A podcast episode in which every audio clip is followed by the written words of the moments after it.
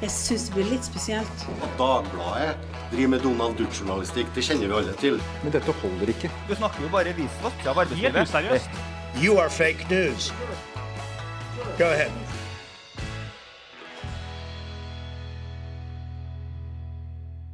Etter seks og et halvt år går altså Frp ut av regjering med brask og bram under dramatiske omstendigheter som vi har fulgt med på i hele dag gjennom TV og radio, og nå også her i podden. Men vi skal, eh, Geir Ramnefjell, vi skal snakke litt eh, om det som skjer videre nå. For jeg føler at vi har snakket nok om kanskje IS-kvinnen og det som eh, Siv Jensen forklarer som eh, oppgir som grunn for at det gikk ut. Hvordan skal denne regjeringen fortsette med, som en mindretallsregjering med Frp i Stortinget? Nei, Det blir kjempespennende å følge. Nå er jo eh, på en måte kortene deles ut på nytt i norsk politikk eh, på, for, veldig, for veldig mange aktører. Eh, for regjeringspartiene, selvfølgelig. For Frp, som må finne ut av hvordan de skal stokke beina, hvem som skal være den førende kraften i det partiet. Om det skal være Siv Jensen, eller om det er noen andre som til slutt uh, uh, blir for vanskelig å holde unna. Uh, det blir utfordringer for, for, opposisjonen, hvordan de skal forholde seg til, til Frp, som da blir en slags sånn indre opposisjon på, på Stortinget. Men, men, først og fremst da, så er det jo interessant å, å legge merke til at alle lurer på hva, hvem, hvordan blir den nye situasjonen på, på, Stortinget. Og Støre og Vedum sier at ja, det er det samme flertallet.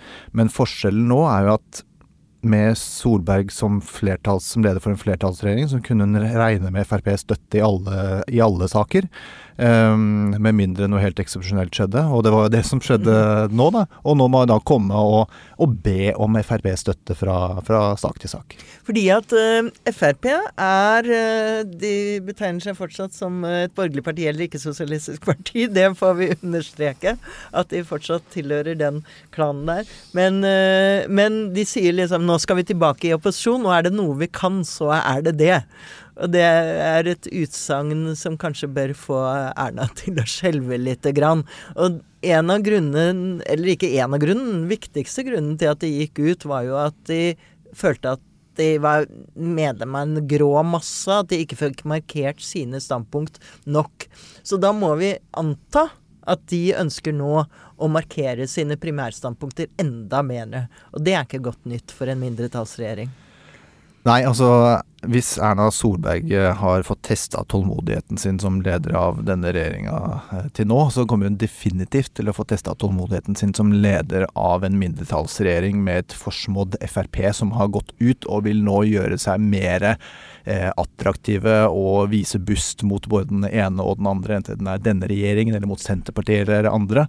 Så, eh, så, det er klart eh, Fremskrittspartiet blir en frispiller i, eh, i, norsk politikk, samtidig som Erna Solberg og Trine Skei Grande og Kjell Ingolf Ropstad i dag har forsøkt å gjøre sine hoser grønne overfor Fremskrittspartiet og takke dem for eh, Så det blir sånn De, de vil liksom Det er vennen som ikke vil være en venn, da. Sannsynligvis. Ja, jeg, jeg følte liksom at Erna og Siv hadde en oppriktig litt sånn avskjedsstund, fordi at de tror jeg liker hverandre og har hatt et godt samarbeid. Men resten hørtes litt, eh, kanskje litt hult ut. Eh, det som er situasjonen, er altså da at um, noen lurer kanskje på hvorfor Erna Solberg ikke bare går av. Når det er en slags sånn indre implosjon i regjeringen. At det er i hvert fall fullstendig oppløsning, kan det se ut som. Men, øh, men, det er jo ikke Hun har jo utvidet regjeringen, og nå er det en som går ut. Eller som Erna uttrykker det. Noen går, noen kommer. Det er sånn det er. Og øh, ekspertene på statsvitenskap de mener at uh, dette er kurant, fordi bl.a. at Siv Jensen har sagt, hun har sagt at hun fortsatt har full tillit til Erna Solberg. Ja, det er jo nettopp det som blir den nye situasjonen. At så lenge eh, Fremskrittspartiet og lederen deres da peker på Erna Solberg som, eh, som statsminister, eh, som deres foretrukne statsminister, så har de jo et parlamentarisk grunnlag i Stortinget, og det er ikke flertall for noe, for noe annet. Så da Og er dette er jo Jonas og de andre enige om. Ja, nettopp. De har jo ikke noe lyst til å overta nå. Eh, de vet bare at de får det eh, ganske mye vanskeligere i tiden som kommer. Men Erna Solberg sier da at hun skal fortsette å styre på grunnlaget av denne Granavolden-plattformen, som jo er regjeringsplattformen til den, eh, gamle firepartisregjeringen. Uh, mens Siv Jensen sier at Granavolden-plattformen har hun kastet i bøtta. Eh, den er de nå ikke forpliktet av. Det eneste hun sier litt sånn vagt, er at hun vedkjenner seg å ha vært i regjering. Så hun, hun prøver ikke å snike seg unna den. Eller, men det innebærer vel litt at hun mener at hun må ta ansvar for en del av den politikken de har fått. Men det er på et par punkter hvor, eh, hvor Venstre og KrF kanskje særlig ikke At det ikke er gode nyheter for dem at Frp går ut av regjering. Nei, altså, det er jo Vi kan, kan trekke fram to konkrete saker. Og det er jo bioteknologi, eh, hvor eh, Frp hadde eh, Mange i Frp hadde reservasjoner eh, mot å støtte de kravene som KrF stilte for å delta i regjeringen, og som de fikk inn i Granavolden-plattformen. Eh, og som man veit at andre på Stortinget, som f.eks. Arbeiderpartiet, eh, er imot. Så Og der er det jo et flertall på Stortinget mot det som ble vedtatt. Nettopp. Så det ligger, eh, henger igjen tynn tråd. Eh, og så er det for, eh, for Venstre sin del, så er det jo rusreformen som de har kjempet inn i Granavolden-plattformen, som eh, KrF også, og Frp, har uttrykt eh, skepsis mot i den politiske debatten de siste par eh, ukene. Så det er også en sak som henger i en tynn tråd. Så det er mange som, eh, som nok ser politiske eh, seire fyke ut på en på Vi har også snakket om, eh, om eh, Nav-skandalen. Hvor, eh, hvor det er jo eh, trolig et kommende mistillitsforslag som eh, kommer mot arbeids- og sosialminister Anniken Hauglie. Eh, det er kanskje i hvert fall ikke så sikkert nå at det faller som, eh, som det var for noen timer siden, eller. Nei, nei, det er jo et eksempel på eh, den politiske makten som eh, Fremskrittspartiet får over denne regjeringa, og særlig Høyre, da, egentlig, vil jeg si, i eh, Stortinget i tida som kommer. At eh, for at eh, ikke Fremskrittspartiet skal slå seg vrang og f.eks. støtte en mistillitserklæring mot Anniken Hauglie, som er en av Erna Solbergs eh, ja, mest tro, trofaste og populære statsråder, altså sett med statsministerens øyne, eh, så, så vil nok også kanskje Frp forvente eh, å bli behandlet godt da, av Høyre. Så her kan jo de tukte regjeringen eh, gang etter gang, og har egentlig da ingenting å tape og alt å vinne i, i samarbeid med regjeringen. Og det er ikke en frekk spekulasjon å si at Frp faktisk kan få større gjennomslag utenfor regjeringen enn inni. Nei, det er jo en politisk realitet. Altså, eh, Frp har jo måttet kompromisse i en rekke saker, og eh, sto jo til utsikt å måtte kompromisse om enda flere ting framover. Eh, og begrunnet jo nettopp utreden sin med, med det. De har jo selvfølgelig da ingen interesse av å inngå eh, vanskelige kompromisser med regjeringen i den situasjonen som de nå har eh, stilt seg. Nå skal jo de eh, satse for fullt fram mot stortingsvalget i 2021. 2021. De skal rehabilitere seg som eh, hva skal man si det, mm, opposisjonspartiet par excellence i eh, Norge, som Senterpartiet har overtatt de siste, siste årene.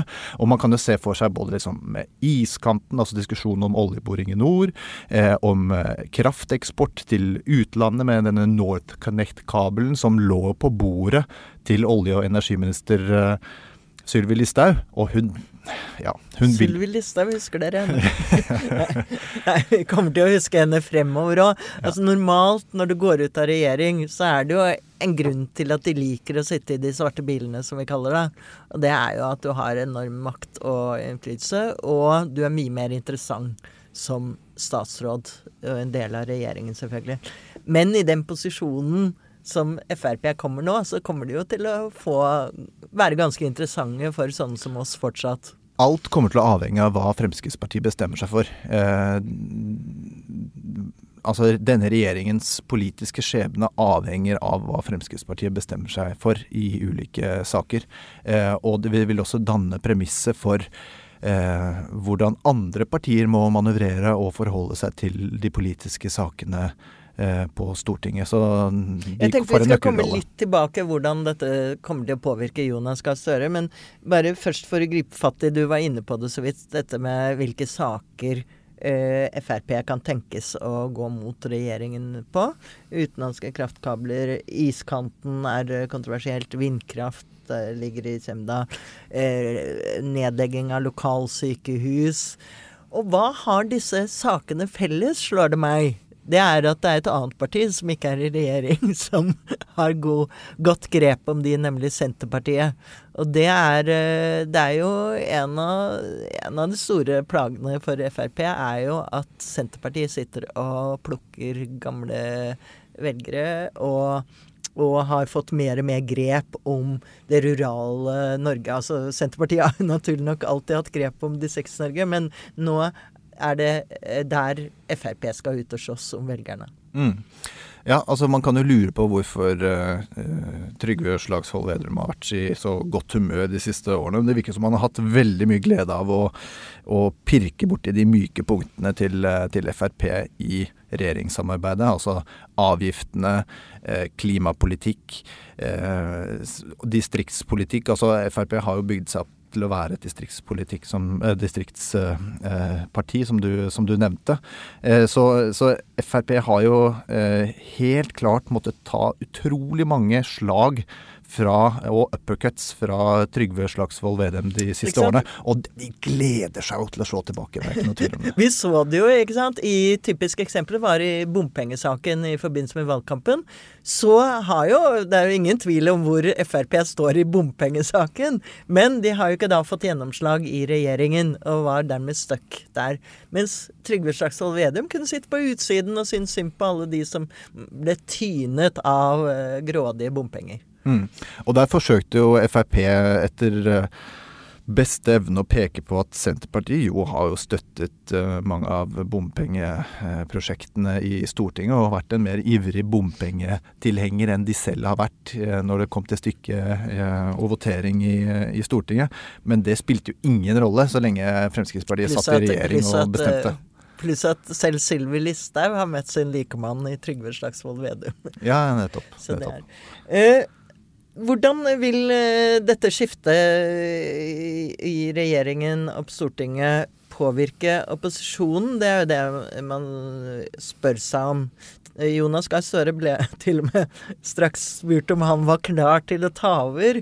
Eh, og det er jo svaret fra enhver Ap-leder at det er de alltid. Mm. De er alltid rede, men det skal han jo selvfølgelig ikke. Men eh, det vil jo var kanskje ikke et øh, Det er ikke nødvendigvis positivt for Ap at Frp går ut av regjering. Nei, det er ikke det. Um, så Jonas Gahr Støre er satt i en ganske vanskelig skvis nå. Uh, han eh, prøver jo selv i svarene han gir på nettopp disse utfordringene her, å peke på at dette er et borgerlig sammenbrudd. Og det er det han vil prøve å forsøke å si igjen og igjen fram mot stortingsvalget 2021, for å undergrave Erna Solbergs troverdighet som regjeringsleder fra 2021 og framover. For det er jo det perspektivet han har. Men han må jo samtidig også ha orden på de politiske sakene. Nå kommer jo disse politiske, vanskelige, brennbare spørsmålene opp på rekke og rad. Vi har jo nevnt dem allerede. Iskanten, eh, vindmøller, eh, strømeksport til utlandet. Hvor det er veldig stor uenighet internt i Arbeiderpartiet og i eh, arbeiderbevegelsen. Og hvor de politiske spørsmålene egentlig lå litt til modning eh, med tanke på 2021. At man skulle danne en, en enighet på, i arbeiderbevegelsen, den store utvidede arbeiderbevegelsen, om en retning framover som forener eh, klima og olje og, sysselsetting. Nå må han på en måte svare på de eh, et, ett, minst ett år før tida, og må ha eh, politisk ryggdekning for å ta de valgene.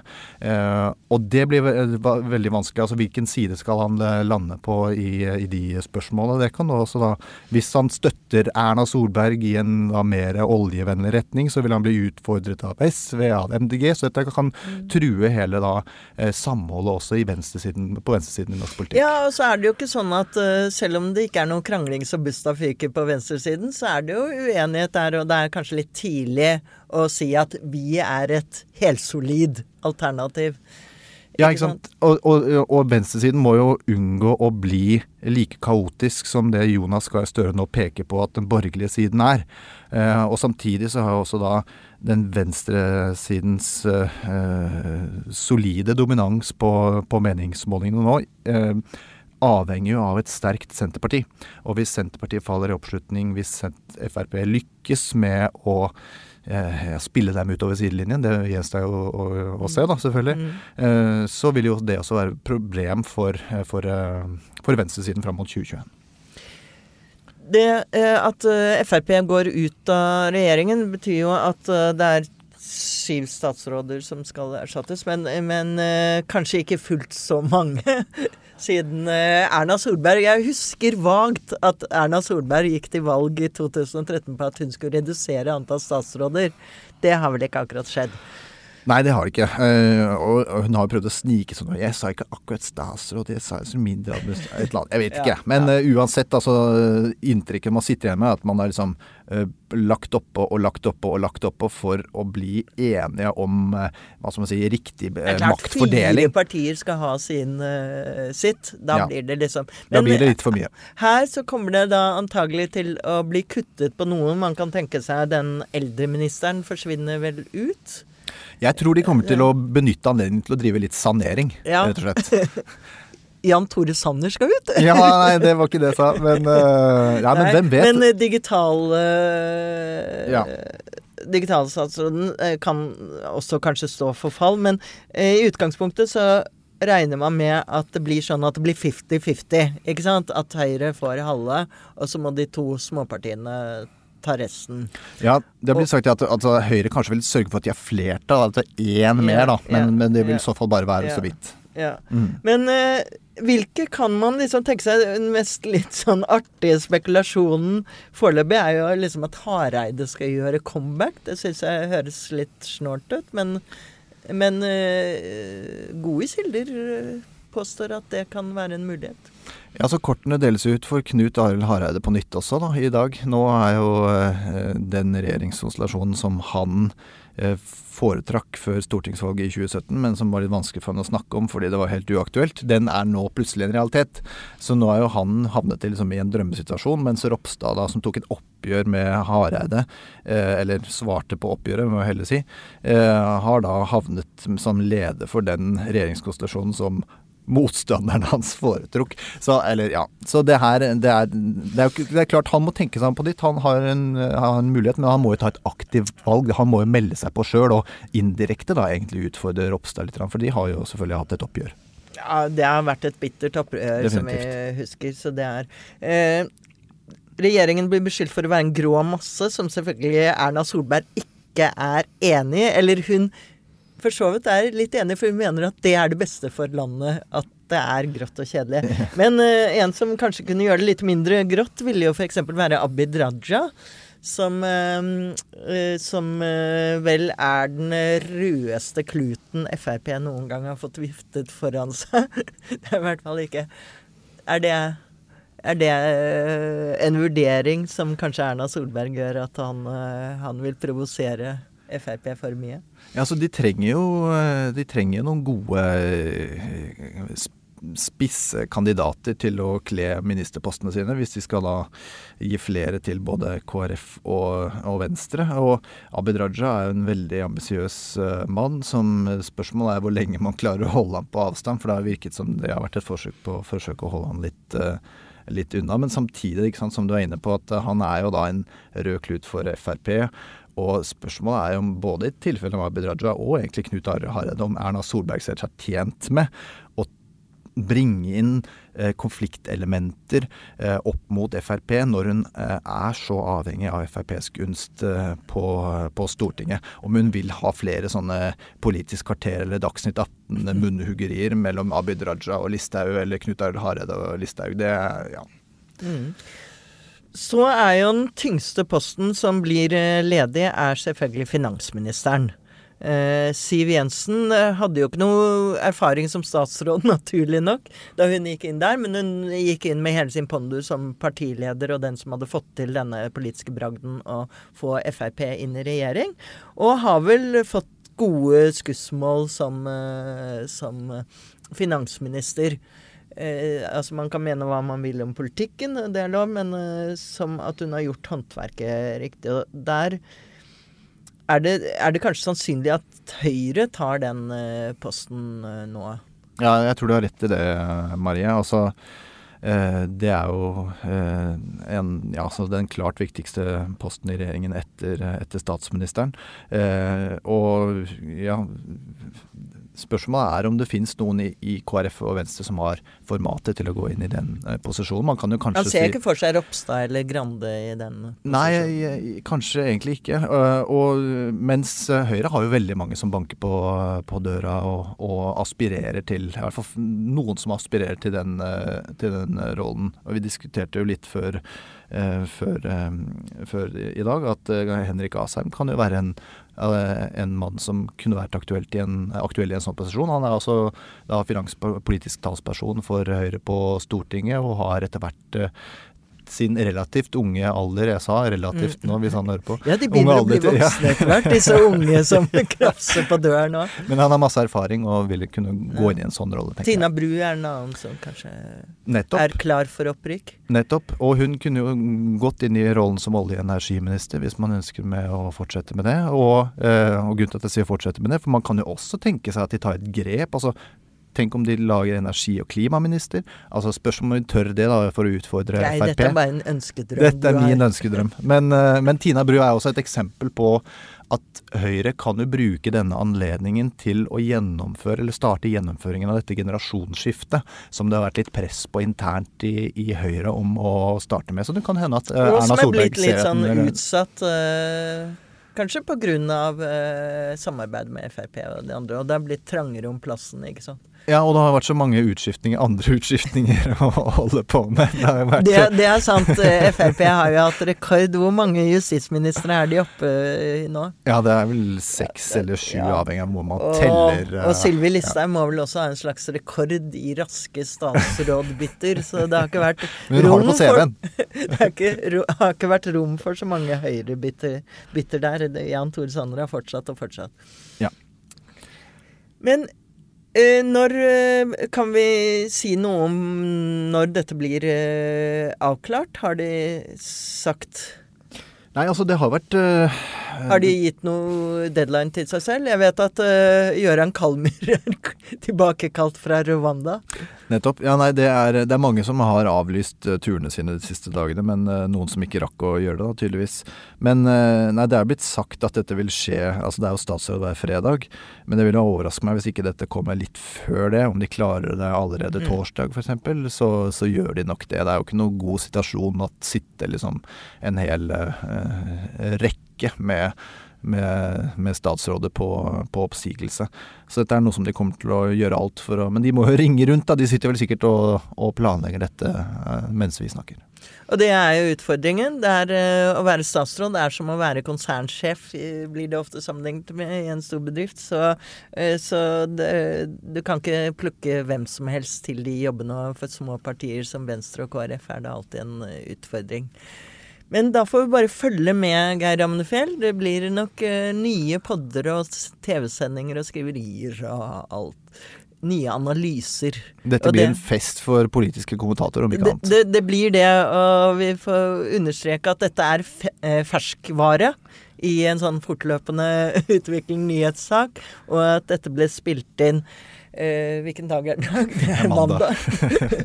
mandag ettermiddag. Det har skjedd så mye at det er nesten tirsdag. Ja, jeg føler, ja, jeg føler også at jeg har vært med på inne i dette rommet i, i mange døgn. Så Denne skal jeg spilt inn mandag ettermiddag. Kommer til deg så snart vi får lagt den ut. Takk for at du lytter på Siste med Marie Simonsen.